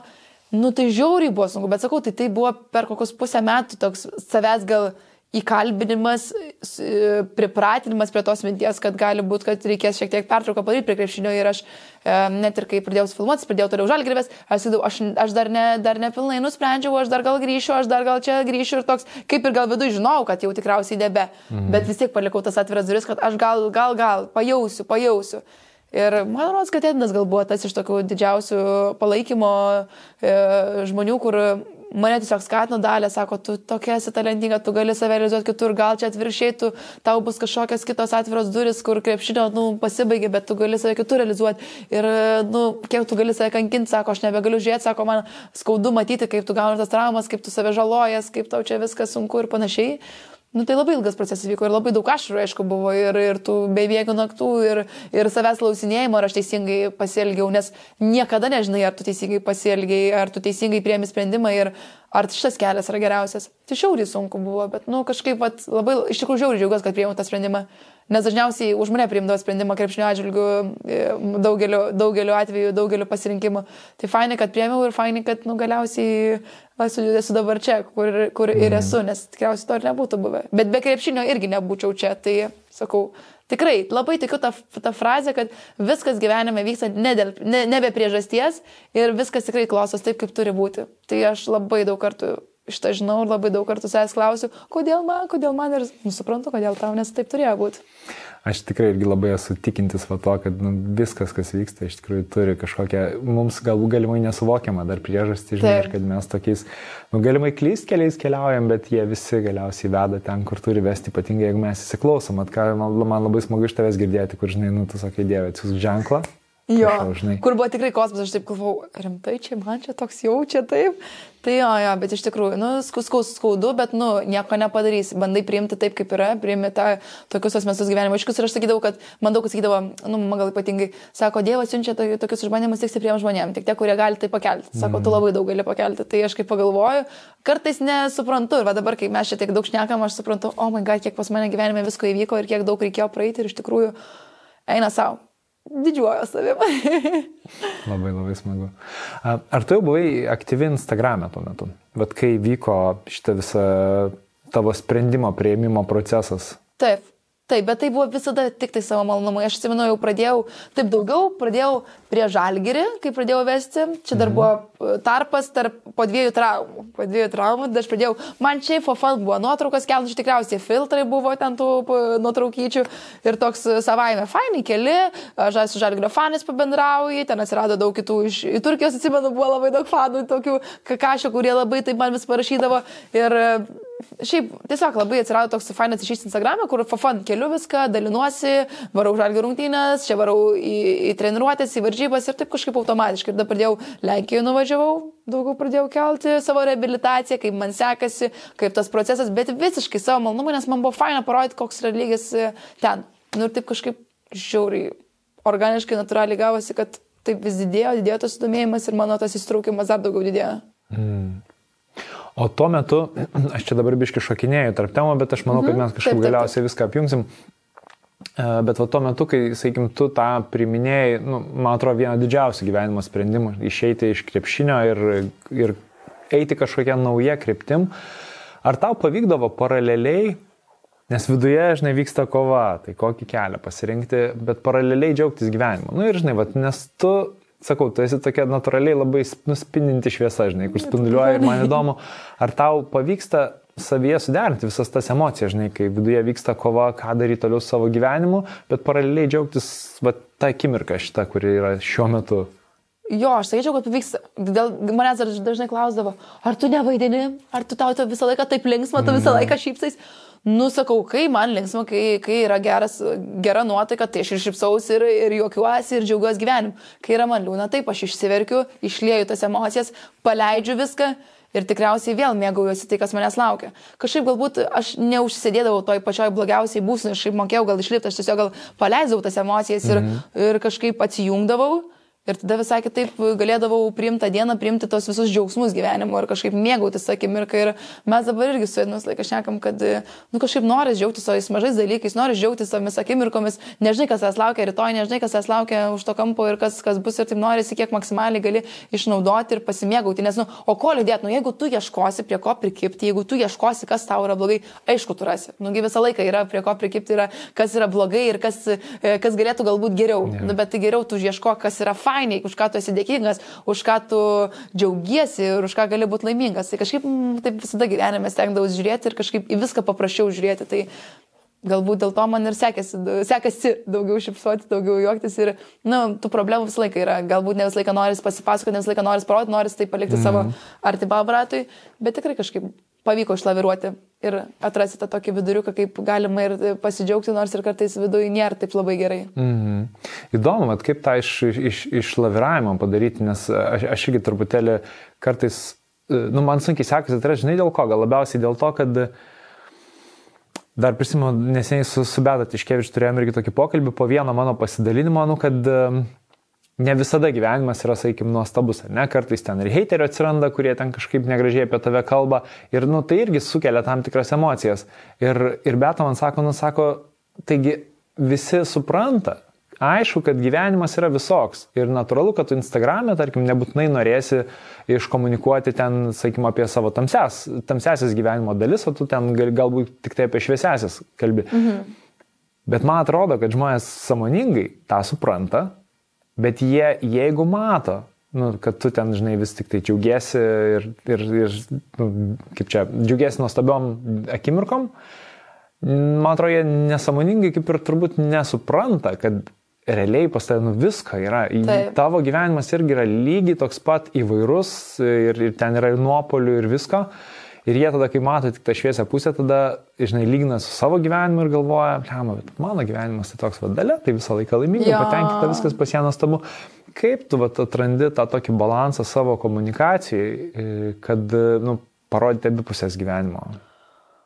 Oi, net nežinau, iš tikrųjų, aš stengiuosi parodyti, ne, negali girodyti visą gyvenimą, aš visą laiką sakau, Instagramas yra, nu kiek minučių realiai tavo dienoj, realiai, nu taigi istorija anksčiau būdavo 15 sekundžių, kiek tu kelsi 20 istoriją, mm. nu tai kiek čia tos 5 minutės, 5 minutės savo gyvenimo, tai Kaip tu, taigi tu rodai, kad tas, tu jo aš filmuos, kaip man yra faina, ne, nefilmuoju, kai man yra žiauriai, ar ten blogai, ar kažkas yeah. atsitiko, ar kažkas nutiko, aš, pavyzdžiui, net keliais savo tokiais dalykais gyvenime, kur buvo žiauriai skausminga, aš net nenorėjau dalintis. Gal dėl to, nes nenorėjau pripažinti, kad tai nutiko ir nenorėjau dalinti savo skausmų ir nebuvau pasiruošus tam. Mhm. Man atrodo, kai kurie tokie asmeniai dalykai yra skirti tavo tam asmeniu ratui, tavo artimiausiam žmonėmis ir nesinori net savęs išsitaškyti ir, ir išsidalinti, bet kartu norisi parodyti, kad ne viskas yra visada taip tobula, kaip atrodo.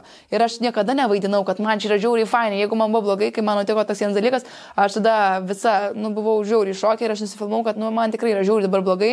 Ja. Ne, nu, tiesiog uh, vienas sunkiausių gyvenimo etapų, aš tikriausiai dingsiu dabar keliom dienom, noriu palisėti, noriu atitrūkti, nenoriu dalintis, nes tai man yra per daug asmeniškai ir aš tiesiog taip pasidalinau. Ir man, man labai daug iš karto atėjo žinučių, kad žiauriai fainai, kad daliniesi, kad yra tikrai sunkių momentų gyvenime, kad čia ne viskas rožėmis klota ir panašiai. Sakau, tai aišku, nėra nori žodžiams loti, taigi tu tiesiog, nu, ne viską rodai Instagram'e, nes nenori. Ne dėl to, kad nori apsimės, kad pas viskas tobulą, mm. bet tiesiog nėra to, to poreikio, nesinori, nesinori savęs išsitaškyti.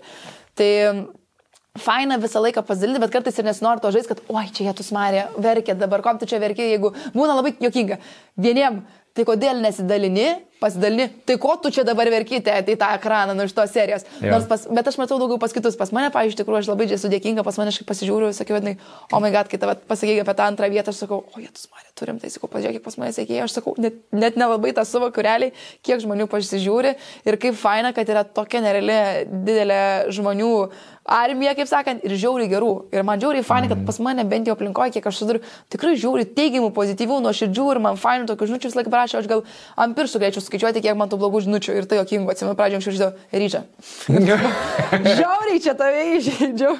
Nu, tai tokie išsakingi. Būna kažkokių pasitaka, dabar galbūt dažniau kažkokių tai tokių iš fake accountų kažkokių, bet mm. taip, nu, biškis su, su, su, sukirbina ten viduje, parodau, Edvi, Edvis mato, kad biškutį mane palėtė toks, aš tokia sparus, ką čia man rašti. Sakau, kad čia reaguoju. Nu jo, rimtai, ką aš dabar reaguoju toks iš tos serijos. Tai norisi viskuo dalintis, bet ne visą laiką, norisi parodyti, kad tikrai visko gyvenime būna, bet nu, yra momentų, kai tiesiog nesinori e, savęs ištaškyti per daug ir tų momentų, tai, tais momentais dalintis Instagrame. Nu, man, man tai labai gražu ir, ir man labai patiko, vat, kaip e, ta viena istorija, kurios mes sutarėm laidoje neaptarinėti, ar ne, kur tu pasidalinai. Tai irgi labai gražu buvo, žinai, tai, kad vat, tu tiesiog tuo metu, kai tai vyksta tavo gyvenime, tu sakai, nu, sorry, guys, atsitraukiu, bet dabar pas mane nu, kažkas įvyko, žinai, praeina laiko ir tu pasidalinai, kad tai įvyko, kad tiesiog tai yra tavo nu, etapas, taip irgi būna ir man tai buvo skaudus išgyvenimas ir viskas. Ir toliau tęsim, žinai, ir komunikuoti. Tai man, man, man kažkaip iš tikrųjų tas labai gražiai susidėlioja. Jo, nes norėjau, aš sakau, mes kai tas dalykas, aš jau žinau, kai tas nutiko, tikrai pasidalinsiu, mm. nes norėjau, nes tuo metu man labai to trūko, bet kodėl dabar tuo momentu jau pasiruošiau pasidalinti, nes atsimenu žmonių žurnalę, kai padaliname istoriją, sako, nu blemba, pas jūs tobulą, viskas kaip iš viršelio, iš kaip pagal knygą, viskas, vestuvė. Ir aš taip sakau, net sakau, sakau, nu blemba, taip nėra, sakau, vis sakau, nu aš turiu pasidalinti, sakau, mm. nes nori, kad žmonės darytų tokį, galvotų, kad eiktų savo, va, jai tai viskas tobulai, o man viskas blogai, nes man tuo momentu taip atrodė, kai tas nutiko yeah. dalykas.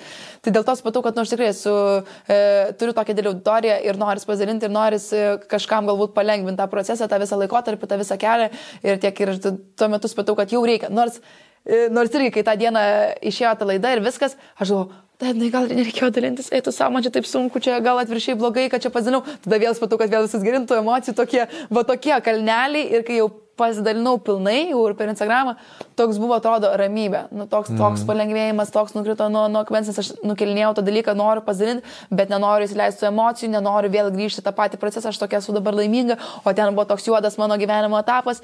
Ir, ir kai sakau, pagaliau pasidalinau, pasakiau viską ir, ir ką norėjau, ką buvau sukaupus viduje, tai atrodo, lik man nusirito nuo širdies ir tai palengvėjo. Ir labai džiaugiausi, kad man tiek daug e, parašė, kad tikrai padėjau, ko aš ir norėjau tuo visų mm. pasakymu, ne kažką, kad čia, o tas Marė kaip šiais laikais, kad auditorija susirinkčia, dramos visokios ir panašiai. Tiesiog aš norėjau, kad moterim kai kuriam palengvinta visą dalyką ir supras, kad jom pasakyti, kad jos nėra vienos.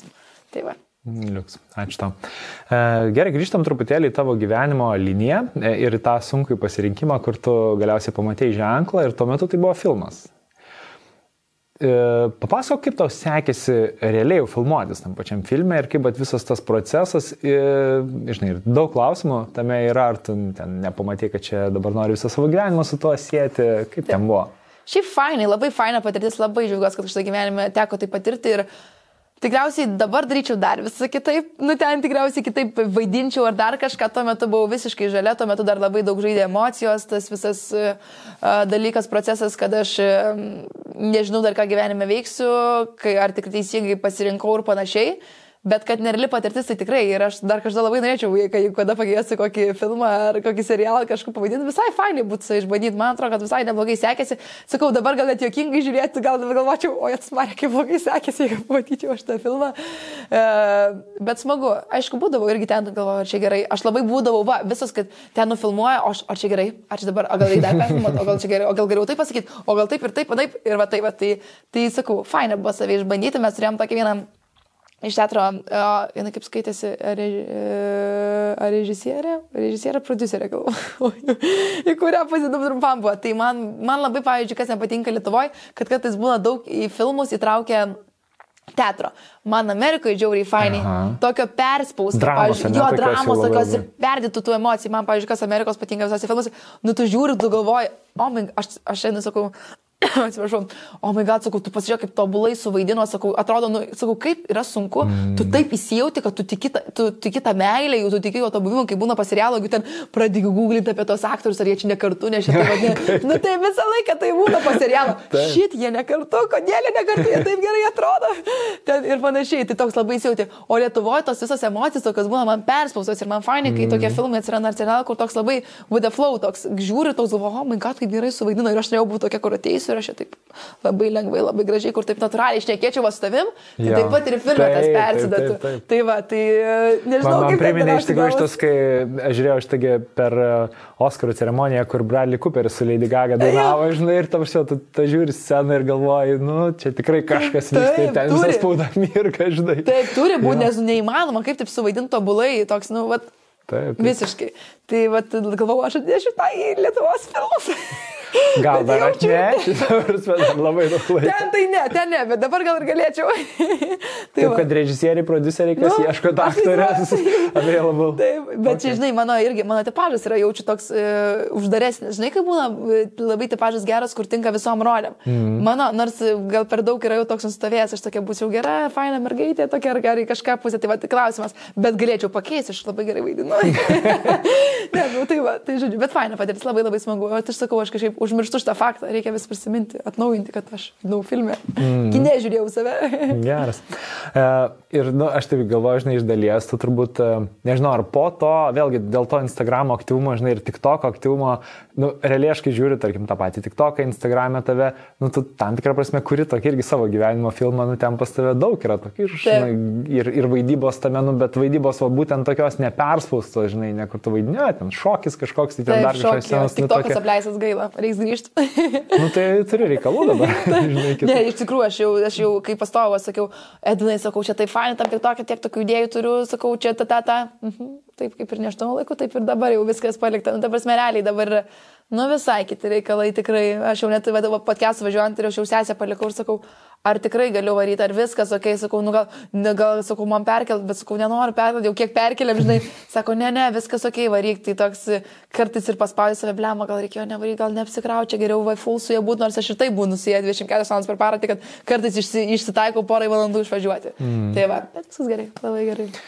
Gerai, filmas e, baigėsi. E, Ir kas toliau? Ka- Kas tavo galvoje vyksta? Ar tu jau tada supratai, kad tu esi influencerė? Nu, Oi, va, ne. Man nepatinka šis labai terminas, aš ir dabar nesijaučiu influencerė. Aš jaučiuosi laidų vedėja, sportininkė, tą pusę jau aš Dabar tu esi pripažinta influencerė. nu gerai, tevudė.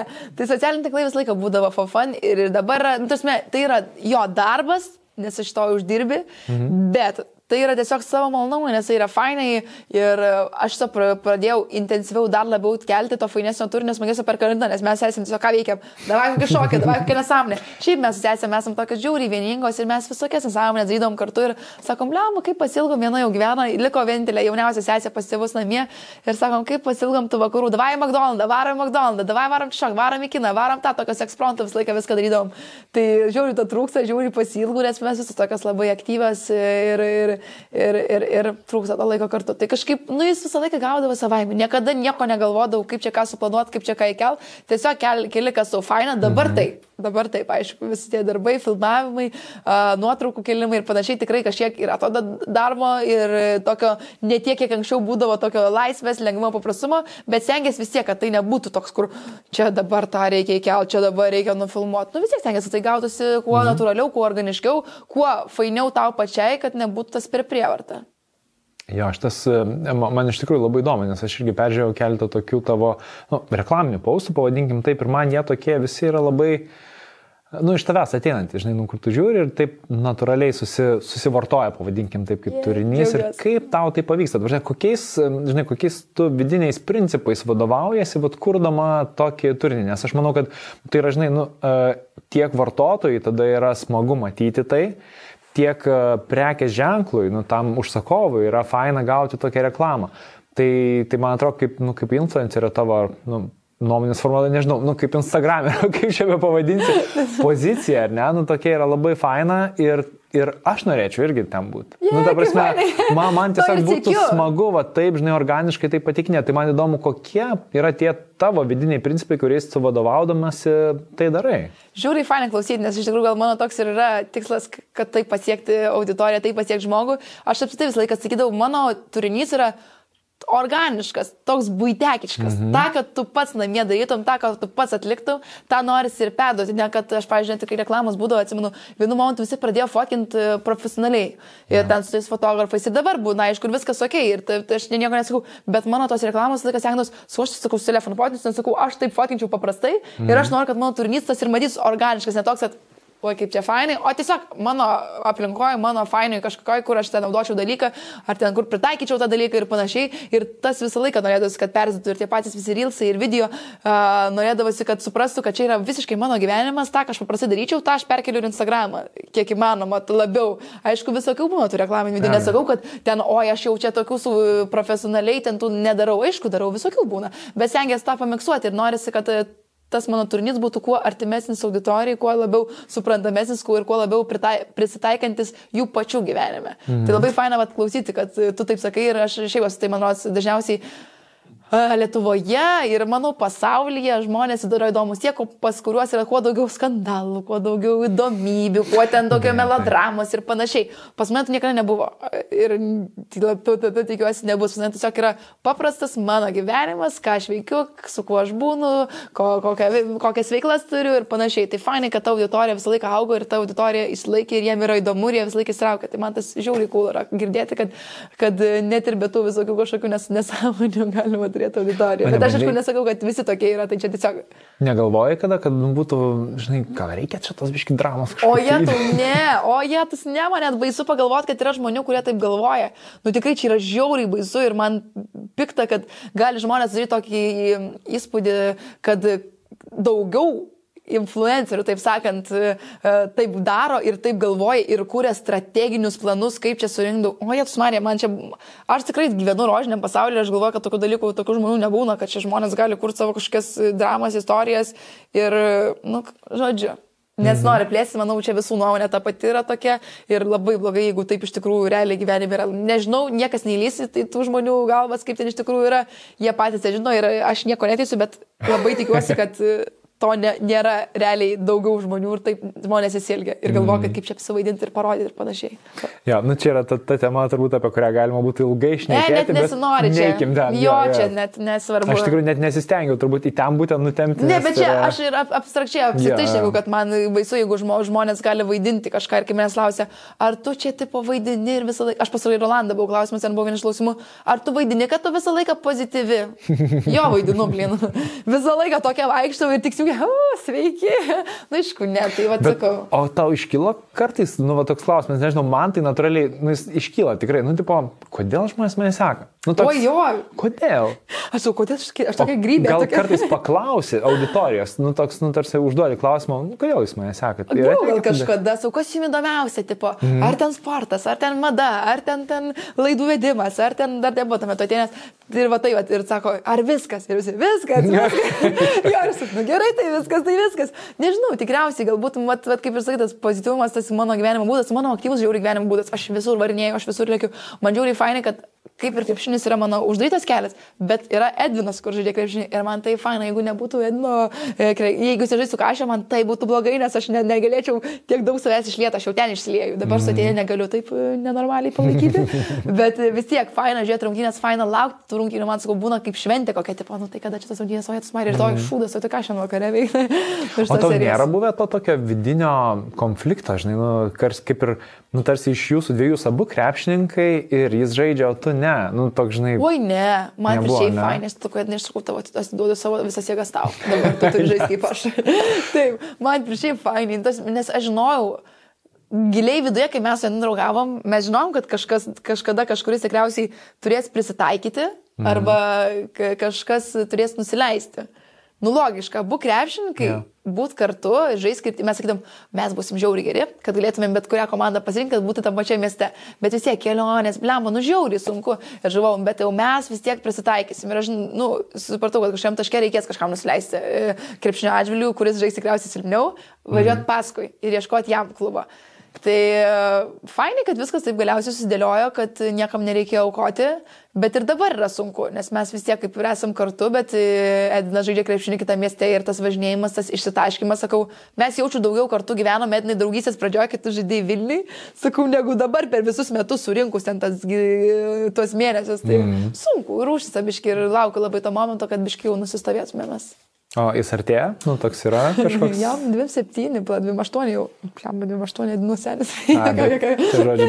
Metai skaičiuojat reikia. Taip, taip, taip, taip lemba, nu dar turėtų dar daug liktų metų, bet mes kažkaip sakėm, žiūrėsim, kad e, logiškai įsivertinti, kad jau galėtumėm gal kartu su ateinyte labiau, nes dabar vis tiek mes laiką Vilniui bazuojamės mm. ir karts nuo karto pasinuvažiuojam, o tada jau reikės kažkaip jau full. Nes nublemba, žiauri liūdna, noris kartu būti, noris kartu viską patirti, noris yeah. kartu auginti dukrytę, noris kartu viską daryti. O dabar ar tu save matai kaip, nu, kaip, tu dabar mama? Taip. Ne, prasme, bet vis tiek, tavo buvo filmas, ne, ir Po filmo buvo dar kažkas, nu, minėjai, kad Žalgirio ten. Tai aš toliau vedžiau Žalgirio laidas, tada atsirado 2TV, kur aš, nu, mhm. nu, naujas kanalas, nu, naujienas pristačiau, merginos prie vairo buvo ir yra. Ir tada atsirado Finalas labai projektas su Rolandu, kur mes turėjom uh, po vestuvių grinai. Po vestuvių grinai atsirado Protas Reikia projektas, kur man buvo beprotiškai patiko. Šiaip Rolandas yra uh, visų galų mes, mane netertina, kad ant kiek jis gerai veda laidas ir ant kiek jis yra, sakiau, vis, visiškai siela. Dažniausiai būna laidos, kur ką veda ir sakau, tą patį Lietuvos balsą, sakau, Berolano mm. nebūtų Lietuvos balso, nes sakau, nu jis, nu jis visiškai yra ten ta siela. Tai beprotiškai patiko patirtis, žiauriai patiko man tai tas kons, kons, konceptas jo, ir kas su, su sportu susiję, kartu su vedimu man čia gavosi, nu visiškai buvau savo rogėse ir man fainai tose laidose dalyvauti ir labai norėčiau dar turėti tokių daugiau projektų ir buvo vienas dabar iš projektų, dėl kurio aš žiauriai ilgai galvojau ir dar pilnai nepriemau sprendimo, nes suprantu, kad tai atims tiek mano laiką, šiek tiek sutinite vasarą, tiek mano pačios ramesnė psichologinė būsina, bet kartu tai yra galimybė kažką toliau daryti ir save parodyti, realizuoti. Tai dabar esu tam klystkeli ką pasirinkti. Ir Edinas pradžiai sako, varyko skirtumas šeima irgi, sako, fainai, išbandyk save, o Liu sako, blem, aš tave žinau, sako, tu parinsi, sako, tu nepailisėsi, vasarą tu galvosi, ar gerai, kad aš čia pasiėmiau, dabar vėl reikia lėkti, bėgti, čia tas senas. Tai va, ant tokio klaustuko ir kol kas linkstu, kad jaučiu atsakys, nes aš esu visą laiką tas žmogus, kuris visą laiką viską nori išbandyti save, mhm. imti ir, ir nes kaip daugiau, kaip daugiau realizuoti ir kaip daugiau atrasti save ir, ir savo padėti visose srityse, bet galvoju, kad, ai, kad reikia sustovėti dabar, biškutį pa, pailsėti ir skirti full dėmesį atėnį, nes, nu, beprotiškai dėlis džiaugsmas. Pailsėt man net kartais juokinga. Pailsėt. yeah. Nu, tipo, pailsėt. Pailsėt psichologiškai nuo to krūvio, kur, tipo, o, god, čia tą padariau, o, jėtus marė, čia dabar tą paliksiu, gerai, o tai kaip čia sudylint, kad dar nuvažiuosiu, o apskaičiuoti, o gerai maitinu, tai gerai, nu ir va toks. Tai nuo to, kad tiesiog ramiai būti su atėnė, kiek ramiai, mm. kiek galima ramiai, tiesiog be kitų pašalinių visų veiklų. Jo, bet tau aš taip įsivaizduoju, turėtų būti tai irgi gan sunku, nes, kaip minėjai, tu mėgsti visur dalyvauti, mėgsti visur lakstyti, visur būti ir dabar... Jo nu kaip reikėtų išbūti vienoje vietoje. Ne? Ai, tiesiog fainai, man fainai, aš dabar sakiau visą dieną, sakau, blemba, sakau, ir tą sugalvojau, ir tą čia grįžau, ir ten filmuos, sakau, taip noriu to kokybiško, ramaus, biškutį laiko, kur tiesiog pabūti, nes man fainai, fainai viską veikti, gali veikti ir su atėnė, bet tiesiog yra tokių darbų, kur, o man gal čia tą nufilmuoti, o čia ten susiruošti, o čia tą sudylinti ir nori tiesiog turėti tokį ramų, kur nieko neturi planuoti, tiesiog būti ir nieko neveikti sumie, nu, nieko neveikti, vėlgi, nieko, būti su atėnė ir neturėti kitų pašalinių veiklų, ko žiauriai pasilgau ir trūksta to. Bet vėlgi, taip momentais, oi, fainai, kiek čia veikiau, o, jie tas man kaip atsibodo, tai čia toks. Bet iš visko, ką aš girdžiu, žinai, kam, ką tu ištransliuoji, pas tave nėra, nu, kaip, ne, nebėra prie tokio prisirišimo, žinai, bet kas buvo su krepšinė, ne, kur tu sakai, bet aš save matau kaip krepšininkę iki, ten, žinai, gyvenimo galo, nu, kabutėse, aišku, ten iki 35 ar kažkiek metų, Bet dabar pas save, nu, tokia jaučiasi visiška laisvė, kur tu sakai, nu, bet bus kažkoks projektas, jo. kažkas, gal atys filmas, va, pamatys tikrai kažkoks režisierius, sakys, man tikrai gal dalį reikia pasikviesti, Na. žinai, filmą, nu, tokia, nebėra to tokio, um, ką aš čia dabar darysiu. Nu, toks, kur nežinau, ką daryti, ar aš teisingai girdžiu. Jo, ne, iš, esmės, iš esmės yra ta baimė viduje, kadangi krepšinis buvo aiškus, krepšinis, krepšinis, krepšinis, be to, kad traumos. Bet čia dabar mano visos veiklos, josgi nėra toks užtikrintas pastovus darbas. Tai visą laiką vis tiek nežinai, kiek socialiniai tinklai bus, kiek iš ten ateis užsakymų, kiek laidų bus, vad kaip sakai, mm. projektas koks ateis.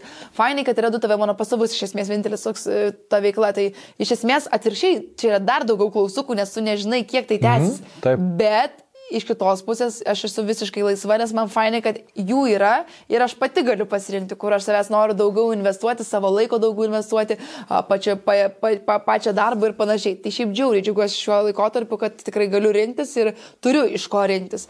Tai esu dėkinga, kad taip viskas galiausiai susiklostė, bet sakau, nu man dabar visiškai full dėmesys mano maži mažiau lytėjai. Dar grįžtant prie Instagramo ir prie to influencinimo. Ar tu nu, vis tiek dabar jau pati matai tai kaip ir, nu, tokį ir pajamų šaltinį, ir, nu, kaip darbą? Taip. Savo influencinimą. Matai, ne? Taip. taip, taip, taip. Nu tai automatiškai gaunasi. Bet e, fainai, nu, vėlgi visi sakys, o ja, tau darbas čia kelti nuotraukas. Nublemba, jo, nes tu gauni pinigus ne už tą vieną paustą, ne už tą vieną istoriją. Yeah. Tu gauni pinigus už tai, kad tu full day, kuri turinį, uh, pastoviai keli visko, pastoviai visko daliniesi, tai yra visiškai 24 valandas per parą, tu, tu pastoviai turi pagalvoti, o oh my god, čia gerai, čia biški nekėliau, čia reikia biški kelti, čia reikia biški pasidalinti.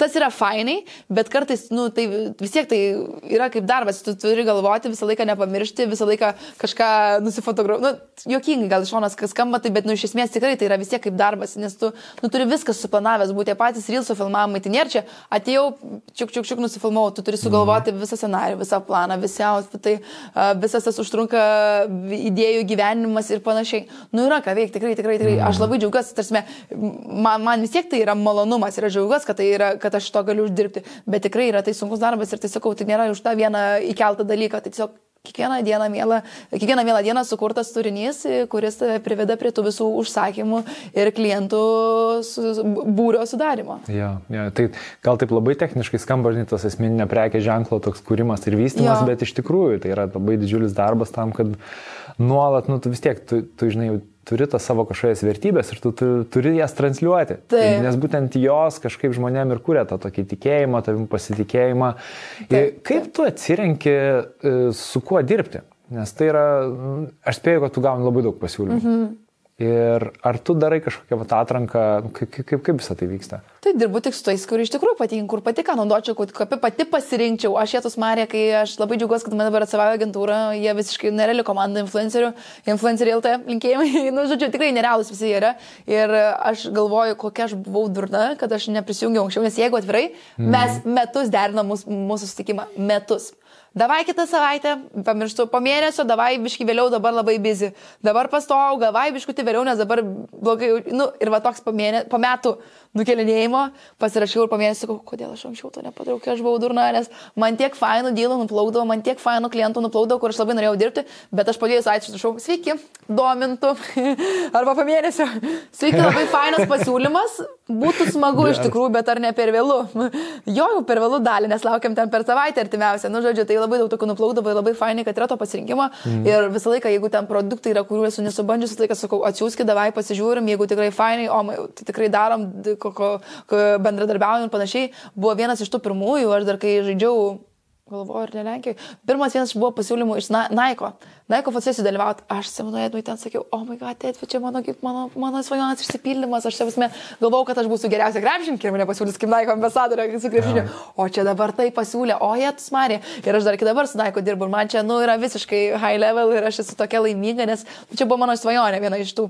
Ir, o tie visi kiti, kiti brandai atsiranda, nu, kur iš tikrųjų labai faina, kurie pastebi, tiesiog pasiūlo ir sakau, o taigi aš to naudoju, man čia žiauriai mm. patinka, dirbam, aišku, davai, turim tą ilgalaikį bendradarbiavimą ir panašiai. Tai e, smagu, kad aš turiu galimybę rinktis ir aš ir, ir anksčiau visada rinkdavausi, net ir kai nebūdavo daug pasiūlymų, bet imdavau tik tai, kas patinka, kur tikrai pasiteisina, kur man faina ir labai faina, kai klientai sako, nu dalė čia, wow, koks įstraukimas susiekėjų, tai smagu, kad žmonės tiki. Nes šiais laikais, nublemba, pasiūlos labai daug, labai beprotiškai reikia atsižuoti ir man atrodo, kad šiaip žmonėsgi, nu tikrai supranta ir perskaito žmonės ir, ir atsirenka tai, kas patinka ir tuo, ko gali tikėti. Mm. Tai fainai, kai tie sėkėjai iš tikrųjų sako, eik, sako, aš atsisiunčiau žiauriai fainas dalykas, gerai, kad čia rekomendavai, čia žiauriai cool. Tai smagu, tas atgalinis ryšys grįžta ir kad iš tikrųjų žmonės tiki, nes sakau, šiais laikais yra sunku e, gauti tą tikrą pasitikėjimą sėkėją, nes manau, kad jie yra nemažai nudegę ir daug matę ir ta pasiūla yra beprotiškai didelė. Bet tai yra toks didžiulis malonumas, žinai, kai, nu, vat, tu, kaip čia pasakyti, neišduodi savęs, reklamuodama tik tai tuos prekės ženklus, kurie tau, kuriais tu pati Taip. tiki ir tada nu, toks visiškas, žinai, tu ne, neišduodi pasitikėjimo savo sėkėjų ir pati gerai su savimi jautiesi Taip. ir žinai, kad, nu, žinai, nes kai tu, tarkim, reklamuoji kažkokį prekės ženklą, kuriuo tu netiki arba kurio galbūt net nesi išbandęs kažkokį produktą, tu visada gyveni savotiškai baimiai, žinai. Jo. Jeigu kažkada išaiškės, jeigu kažkada, nu toks, žinai, tarsi paminė savo taip, kažkokius taip, taip. tai principus, o dabar tu visiškai ramybė, žinai. Jo, tas labai fainai, man atsimenu, su vienu brandu dirbau dabar, nu, kada dabar anksčiau biškutį. Ir e, man jis labai patiko, fainai buvo viskas ir mes toliau dirbom ir man vėliau prisigavau, kad mintys sakau, nepatinka man biškutį, kaip jis pateikia tą visą komunikaciją ir jo tą žinutę, nors jis norėjo ten toliau varyti ir šiaip žiauri geras klientas finansiško atžvilgiu, bet sakau, blem, bet sakau, man nebepatinka, sakau, man fainas tas produktas, bet man nepatinka, kaip jie save pozicionuoja mhm. ir kaip jie save pateikia vienu momentu prigavau ir tai galvoju, ne, sakau, aš nenoriu, sakau, dirbsiu, sakau, nors jis be, bepirotiškai norėjo ir tas prekes, prekes patiko žmonėm ir jas pirko ir labai buvo geras visi, bet sakau, man jau nepatinka ta žinutė, ką jie, sakau, transliuoja ir sakau, aš nenoriu, sakau, prie to prisidėti, sakau, tai viskas ir tai labai fainai iš tikrųjų tikrai, va, su tokiais dirbti ir mane, aš vėliau žiūriu, sakau, istoriją savo, sakau, tai sakau, jokios, sakau, sakau, pažiūrėk, viskas man žiauriai fainai, žiauriai patinka, žiauriai tobulas, aš angus treningus, nu man iš tikrųjų, kai man tas mhm. dalykas patinka, aš sakau, man tikrai žiauriai fainai, sakau, tikrai rekomenduoju, nes, nu, belia kaip fainas geras dalykas ir aš pati tą dalyką naudočiau ir taip noris perduoti iš tikrųjų tą savo emociją, tą savo tokį pasitenkinimą, tą savo patikimą tą, to produkto, patikėjimą to produktu perduoti sekėjams. Dėl to tas mano sakau, blema, sakau, jinai sakau, kartais atrodo, man viskas žiauriai fainai, ką, ką dalinuosiu, žiauriai fainai, šitas irgi geras, bet iš tikrųjų taip yra, iš tikrųjų. Geras, tai va, tas labai ir jaučiasi. Um, koks jausmas yra, nu, kurti savo, kaip čia, tą realybės tave? Ne? Nu, nes realiai iš tikrųjų tai yra tu kaip ir kuri, tu filmuoji nuolat Ir, ir, ir net gal įdomu šiek tiek laiko perspektyvai, pažiūrėti, kaip tai keitėsi iki atėjęs ir po atėjęs atsiradimo. Nu, vad ką, nes tu turi nuolat su telefonu gyventi. Jo. Papasakok. Nu, nėra, kad tas nuolat, vėlgi aš sakau, kad kai tu keli, ten, sakau, 20 istoriją, tai čia gaunas 5 minutės, tai iš dalies, ką tu nufilmuoji, pys padedi vos ne ir viskas, iš esmės. Jo. Bet, bet vis tiek, nu taip nesigauna, jeigu ten keli kokį turinį, tai vis tiek gaunas, kad ilgiau ir tu turi siekti, ieškoti idėjų, atsakinėti ir panašiai. Tai dabar man sakau labai yra palengvėję, kai aš turiu savo agentūrą, žiauriai fainai. Uh, bet dabar su atėnė, o, jėtus Marija, kaip sunkiau viskas, o, labai dažnai dabar pas mane būna visi vakariniai istorijai, toks, žinai, nufilmuoji, nes norėjau kažką parašyti, išsaugos istoriją, vėliau kelsiu ir dar nufilmuoti negaliu to kelti, nes prieš tai to neįkėliau, kurio noriu. Ir jau taip žiūri.